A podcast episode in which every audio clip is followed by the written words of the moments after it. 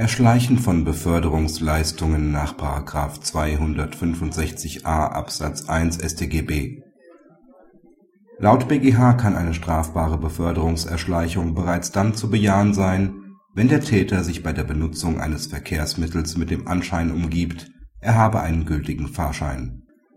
In Rechtsprechung und Schrifttum ist bereits seit längerem die Frage umstritten ob schon einfaches Schwarzfahren den Tatbestand des § 265a Absatz 1 StGB erfüllt oder ob ein Erschleichen von Beförderungsleistungen erst vorliegt, wenn der Täter eine konkrete Schutzvorrichtung überwindet oder eine Kontrolle umgeht. Der BgH hat jetzt entschieden, dass der Tatbestand des § 265a Absatz 1 StGB bereits dann verwirklicht ist wenn der Täter ein Verkehrsmittel unberechtigt benutzt und sich dabei allgemein mit dem Anschein umgibt, er erfülle die nach den Geschäftsbedingungen des Betreibers erforderlichen Voraussetzungen.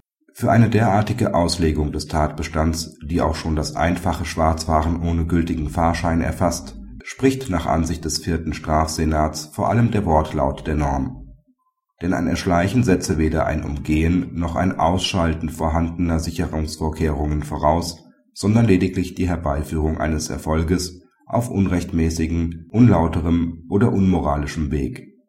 Eine solche Auslegung verstoße auch nicht gegen Artikel 103 Absatz 2 Grundgesetz, denn das Tatbestandsmerkmal diene gerade auch der Lückenausfüllung und lasse daher eine weite Auslegung zu.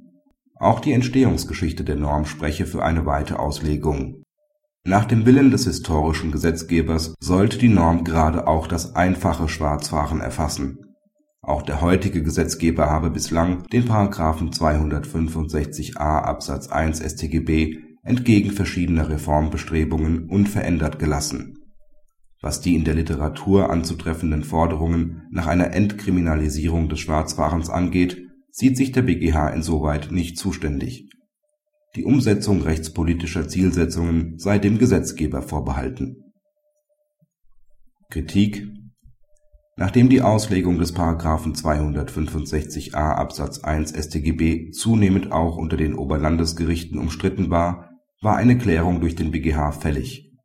Leider hat er sich dafür entschieden, die einfache Schwarzfahrt in den Rang eines Straftatbestandes zu erheben.